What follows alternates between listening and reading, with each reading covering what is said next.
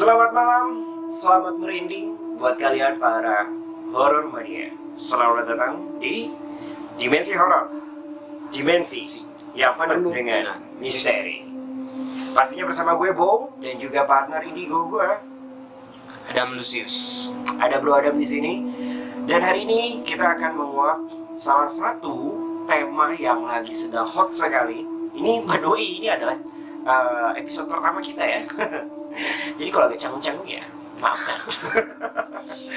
Oke, jadi seperti ini. Jadi yang lagi ramai ini adalah kita membicarakan sebuah tema yang kemarin ada youtuber yang katanya sih pansos ya membicarakan tentang keabsahan dari seorang youtuber horor juga. Ya kalian tau lah kalau kalian para horror lovers lah ya. Yang di situ di mana sebenarnya ada beberapa yang dia sanggah dan untuk bukan untungnya ya bisa dibilang si korban bukan korban ya target ya bisa si target ya dia malah biasa-biasa aja ya kan gitu.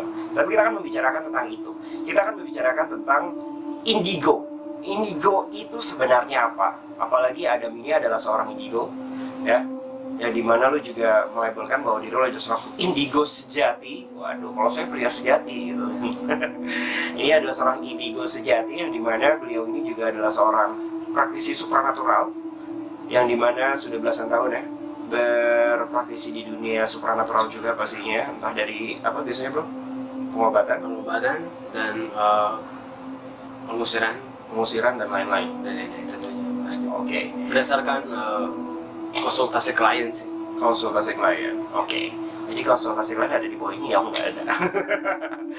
Oke, kita akan ngebahas soal tentang indigo sendiri. Nah, Bro Adam yang di mana adalah seorang indigo sejati. Sebenarnya dirimu, lu tuh melabelkan bahwa diri lu adalah indigo sejati. Apa sih yang membedakan indigo sejati dengan indigo lain di luar sana? Eh, kembali lagi ya bro, kita ke pengalaman saya dulu ya. Jadi bisa dibilang kalau menurut saya sebagai eh, yang sudah lama di lapangan, bisa dibilang anak indigo itu adalah seorang anak yang terlahir dengan bakat alami. Tentunya pasti bakat alami dengan mempunyai skill-skill atau kemampuan yang berhubungan dengan supranatural bu. Hmm. Eh, contohnya skillnya ini bisa dibilang pengobatan non medis bu. Eh, terus pengetahuan tentang dunia Spiritual. eh, dunia lain atau Dunia lain ya? dunia lain atau dunia spiritual juga bisa dan yang ketiga adalah menguasai Bu. yang, yang utama itu menguasai keenam indera mereka untuk aktif atau sensitif terhadap dunia lain Oke. gitu Enam indera itu ya? ya. Yang di mana enam indera itu terdiri dari mata atau penglihatan, hidung atau dari penciuman, telinga itu dari pendengaran, lidah dengan dari pengecapan ya, dan terakhir kulit. kulit. Bukan terakhir sih ya, kelima itu kulit atau sentuhan.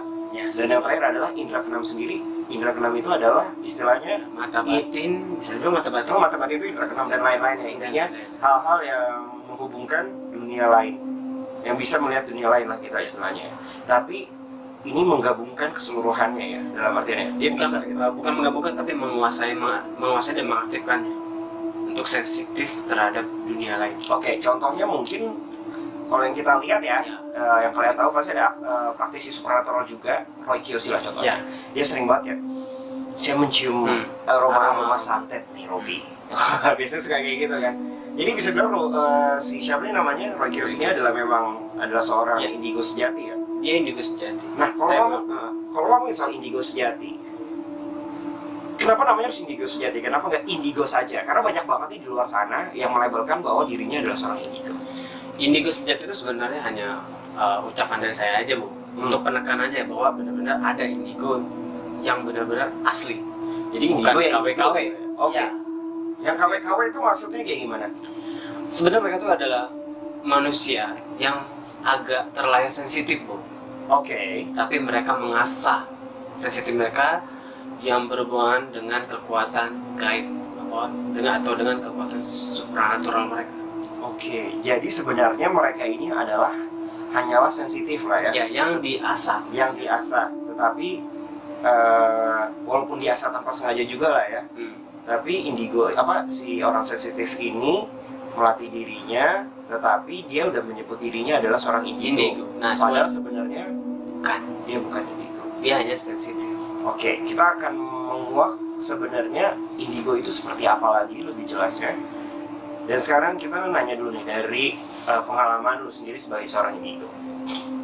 Sebagai seorang indigo pastinya nih, uh, kapan sih lu bisa mengetahui sebenarnya nih lu adalah seorang indigo gitu kan? Karena lu bilang adalah indigo itu tuh adalah dari diri sendiri. Apa namanya istilahnya lu bisa menguasai supranatural ya bisa dibilang ya, ya kan yang medis dan lain-lain pasti ada tingkatan-tingkatan yang mungkin dari rasa sensitifan dulu ataupun bisa kayak gimana gitu dari lu sendiri sebenarnya kapan sih sebenarnya udah dari kecil ya misalnya dari kecil konteks saya udah bisa melihat sesuatu yang nggak harus saya lihat seperti tiba-tiba waktu di uh, saya terbangun dah saya bukan terbangun sih seolah-olah saat di saat saya bangun saya melihat ada anak kecil ada lewat di kamar saya.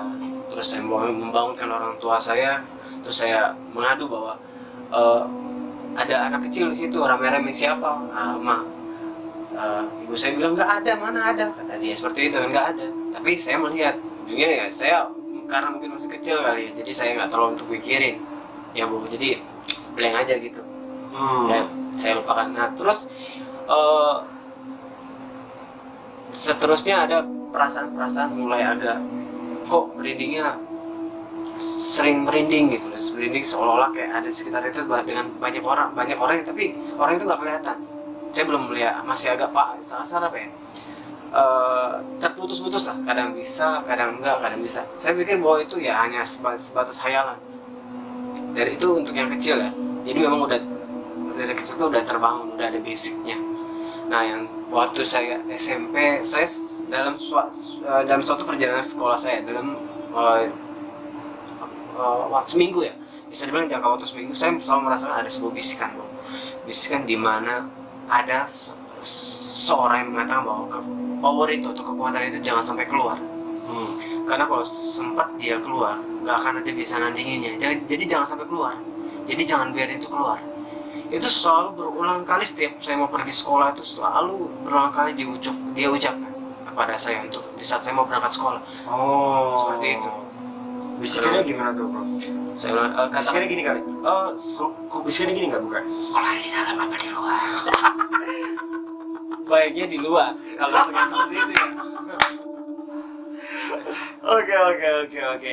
Jadi itu waktu pas SMP ya. Uh, ya tapi lu baru merasakan itu pas ketika umur Eh, lima tahun apa berapa tahun uh, balita tiga uh, tahun dua tahun setahun lima tahun lima kalau nggak salah lima sampai lima enam tahun lah saya juga agak lupa ya Oke, okay. di situ tapi lu cuma baru bisa melihat sensitif gitu-gitu ya, lah ya. Seperti itu. baru pas di SMP lu bisa merasakan ada bisikan-bisikan lain. Bisikan. Nah setelah itu lu bisa sebagai udah mau bahwa lu ada seorang indigo ketika lu umur uh, bisa dibilang umur dua puluh delapan belas 18 saya menyukai dunia supranatural SMA ya SMA SMA, ya. SMA saya merasa saya rasa ada hubungan yang agak intim antara diri saya dan dunia lain seperti saya terasa dekat gitu oke okay. 18 tahun tuh lu kelas berapa bro? SMA kayak SMA kelas 1 tadinya lu nggak naik kelas 2, 2 tahun enggak Oh enggak, tapi itulah bisa dibilang kalau gue lihat dalam sisi ini ya seorang indigo itu tiap tahunnya kalau kita ada kenaikan level ya baru dia bisa bangkit gitu atau kayak gimana? Oh, bukan mungkin iya bisa dibilang. Jadi bisa dibilang kalau indigo itu power mereka tuh berhubungan dengan waktu dan pengalaman mereka bukan karena diajarkan. Oke. Okay. Jadi, Jadi seperti kayak bakat alami ya? Iya bakat alami yang tumbuh dengan sendirinya, bukan dengan uh, diajarkan. Diajarkan baik, ya, diajarkan baik itu secara guru manusia atau guru astral sekalipun. Tapi memang kita punya teman astral. Mereka hanya mengarahkan tapi bukan mengajari. Oke beda ya? Beda. Hmm. kalau mengajari berarti kan secara detail mengarahkan yang sangat ini loh. Dan mereka tanpa membantu dalam artian bantuan tenaga dan lain-lain tidak Oh untuk itu ada stepnya kali gue. Ada stepnya ya. ya di saat kita oh, harus di lapangan. Oh di lapangan ya. Tapi di sampai lu titik 18 tahun itu barulah lu merasakan bahwa oke okay, lu adalah seorang indigo dan lu ingin uh, lebih serius lagi untuk ke dunia apa ya mengetahui mengetahui dunia lain lah ya mungkin lah ya. Iya bisa dibilang seperti itu. Mulai untuk istilah saya hanya baca buku lah istilah buku yang berhubungan dengan supernatural. Tapi bukan saya belajar ya, tapi ingin mengetahui hanya sekedar uh, setan itu apa sih jin itu apa sih? Iblis itu apa sih? Seperti itu aja sih. Yang sering gue lihat apa sih gitu lah ya gue lihat apa sih gitu. Bisa Oke, bilang seperti itu. Seperti terus itu. eh, ya mungkin banyak pengalaman kadang-kadang juga saya tidur tiba-tiba banyak apa ya banyak gangguan lah seperti itu. Istilah kasar ada yang datang terus saya istilah kasar ya. Jujur sih waktu itu saya menolak sebenarnya waktu itu. Saya nggak terima dengan konsep yang power kayak gini. Ya nggak bebanin hidup saya sebenarnya kalau boleh jujur. Ini nggak bebanin sebenarnya. Tapi ya udah karunia ya tapi kembali lagi di setiap karunia atau mujizat itu ya eh, ada kewajiban tentunya di situ. Untuk sebuah kekuatan besar pasti memiliki tanggung jawab yang besar juga. Itu kata pepatah ya bro ya. Karena bisa dibilang lo sebagai seorang indigo lo tuh spesial. Lo tuh beda dari orang-orang lain kebanyakan. Terutama kayak gue yang orang-orang biasa aja gitu kan. Nah eh indigo sendiri punya tanggung jawab sih? sebenarnya sih eh, selama saya di lapangan sih boy secara nggak langsung saya eh, mencari tahu lah sebenarnya eh, kenapa sih ada power sebesar ini di di diri saya gitu untuk apa sih gitu. Saya mencari jati diri. Dan akhirnya saya menemukan bahwa ya ya benar setiap ada eh, apa kekuatan yang besar pasti ada kewajiban juga yang besar kewajiban itu buat saya sih pribadi. Saya nggak tahu untuk indigo indigo sejati yang lainnya ya. Buat saya sih adalah sebagai salah satu penjaga keseimbangan antara dunia manusia dan dunia astral Oke. penjaga. Penjaga ya? Penjaganya tuh seperti apa? Lu jaga kuburan atau jaga apa gitu misalkan? Rumah sakit seperti rumah sakit ya. Bapak dokter apa suster pak. Hmm, idenya kali oh ya? tidak oke boleh. Ya jadi maksudnya itu menjaga keseimbangan antara dunia lain dan juga dunia kita. Bapak ini avatar ya?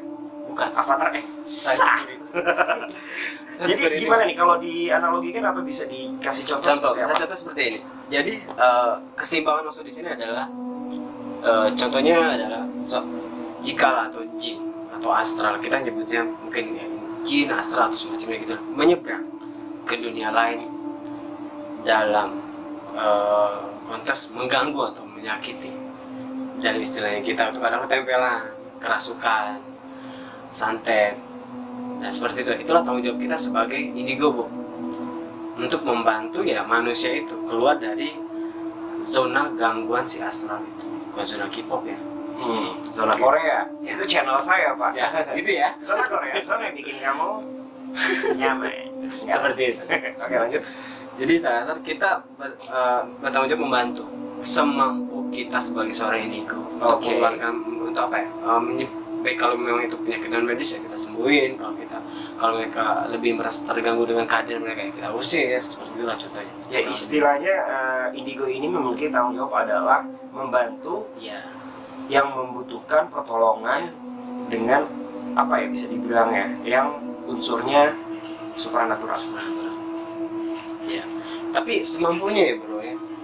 Semampunya. ya Ya, jadi itu adalah tanggung jawab sebagai seorang indigo lah ya. Iya. membantu yang membutuhkan di dalam kasusnya bisa dibilang masih berbau supranatural. Semampunya ya kan? bro di dunia lain lah berbau dunia lain. Entah lu menolong uh, makhluk-makhluk yang berada di dunia lain ataupun manusia yang ada di dunia manusia lah pastinya lah ya. Karena ini dimensinya berbeda bro ya. Iya. Jadi lu membantu lebih banyak ke mana nih? Sebenarnya dua-duanya sebenarnya ciptaan Allah sih. Jadi Hmm. konteksnya gua lebih ke tengah-tengah sebenarnya tengah-tengah lu penyeimbangnya Iya, lah ya iya, dalam penyeimbang, artian ya. Iya. Mungkin banyak banget kasus ya dalam artian mungkin yang sebelah sini salah pengertian yang sebelah sini salah pengertian Iya. di sini lo sebagai penyimbang jadi Iya. mau enaknya kayak gimana? Biar nggak satu sama lain kesinggung sebenarnya. Dari hal-hal kecil lah ya Iya. menolong lah ya bisa dibilang seperti itu. Oke nah itu adalah tanggung jawab dari seorang indigo sendiri. Beda yang sensitif. Tapi banyak juga yang sensitif dimintain tolong juga. Banyak juga kan? Ya eh, sebenarnya sih itu udah umum ya. Maksudnya itu udah umum. Yang punya kemampuan ya silakan membantu gitu kan. Tapi sebenarnya sedihnya ada konsep mereka nggak paham. Orang sensitif ini nggak paham ada resiko di mana dia terjun atau bermain di dunia lain bu. Oke. Dia mereka mereka nggak tahu dampaknya apa untuk mereka sendiri. Dalam artian oke lu sensitif tapi Iya. sebenarnya lu gak punya tanggung jawab di situ gitu loh. Ya dan ketika lu bertanggung ah, ketika lu melakukan hal itu ya Ada. lu malah ngerugiin diri lu sendiri. Iya seperti itu. Sebenarnya lu nikmatin aja kesensitifan lu gitu lah istilahnya lah ya. Tapi ketika lu nyemplung di permasalahan-permasalahan penyimbangan dunia ini ya take your own risk gitu lah kan. Iya. tapi ketika lu indigo lu memiliki tanggung jawab itu yang mau nggak mau harus lu lakukan betul Eh, bisa dibilang seperti itu. Tapi kan lebih intinya ki- kita sebagai indigo tahu rahasia-rahasia jahatnya jin. Oke. niat mereka sebenarnya apa ke manusia dalam konteks saya rasa eh, apa ya membangkitkan kekuatan sensitif ini. Ada niat di balik itu sebenarnya. Nah salah yang sensitif ini adalah mereka nggak paham. Oke, jadi menyesatkan. iya seperti itu. Oke. contohnya satu kita yang bisa semua orang juga tahu ya mungkin ya eh, bisa dibilang yang siapa, siapa ya yang pernah makan daging manusia ya Sumanto? ya seperti itulah Hmm. itu salah satu eh, Bisikan-bisikan konsep- ya? konsep tersesatnya seorang Tersesatnya. sensitif gitu Jadi sebenarnya agak sensitif, tapi karena dia mungkin ada niatan jahat dari jin, akhirnya membuat si Sumanto ini salah jalan. iya Dan sekarang kan dia telah di penjara, Iya. telah maya dan lain-lain, ya Itu sudah, dalam- iya. sudah tobat lah ya. Iya. Akhirnya dia jadi normal kembali gitu, bisa dibilang. Oke, nah buat kalian para horor mania nih, kita langsung ngomongin aja masalah yang paling intinya. Itu adalah tadi indigo lah ya. Hmm. kita membeda. Jadi yang gue lihat ya dari Bro Adam sendiri ya, indigo itu adalah sebenarnya indigo, nggak ada indigo sejati ya. ada Indigo adalah indigo. iya Kayak kita melibatkan pria, ya pria sejati. Sejati. Tapi ada pria yang sifatnya kecewe-cewean, gitu loh kan istilahnya gitu. ini Maksudnya istilahnya tidak sejati. Nah, kalau kayak gitu pasti ada perbedaan antara indigo yang sejati dan juga yang menurut lo katanya adalah yang sensitif sebenarnya Hmm. yang di mana dia mengasah kemampuannya dan dia belum paham bahwa dia sebenarnya bukan indigo hanyalah seorang sensitif aja Iya. oke kita akan membahas itu dan kita akan membahas tentang perbedaannya perbedaan dari indigo dan juga sensitif